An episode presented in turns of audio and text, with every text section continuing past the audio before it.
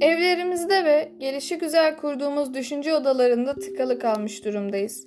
Sebebi nedir bilinmez ama insanoğlu kısıtlanmadıkça özgürlüğün kıymetini bilmez. Elindeki renklerle yetinemez. Her zaman içinde gökkuşağına ulaşma arzusu barındırır. Diğer renklerin peşinde koşarken minik bir çocuk gibi düşüncesizce adımlar atar. Bazen taşa takılır düşer, bazen yorulur, nefes nefese kalır ve boğulacağını hisseder. Özellikle de bu içimizde sıkıntılar oluşturan, çaresizliğe ve bıkkınlığa iten günlerde bize koşma, yavaşla diyecek düşünceler ararız. Dönülmez sokaklara, cevapsız sorulara umut bağlarız.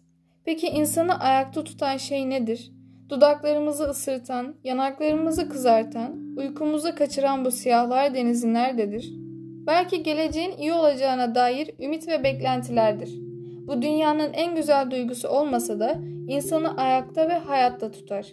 Kimileri için sevgidir. İnsana güç verir, varlığının değerini hissettirir. Ama bazıları için de nefret ve öfkedir. Yüreğinizde yaktığınız yangının sönmeyeceğini düşünmeniz yangını büyütme isteğinizdir. Düşündükçe fark ediyoruz ki gökyüzüne hayallerini, denizlere kederlerini bırakan insanoğlu birbirinden yalnızca fiziksel olarak farklı değildir. Yeryüzünde var olan her beden kendi dünyasının eşsiz ürünüdür. Bu ve bunun gibi milyonlarca sorunun cevabı kendinizdedir.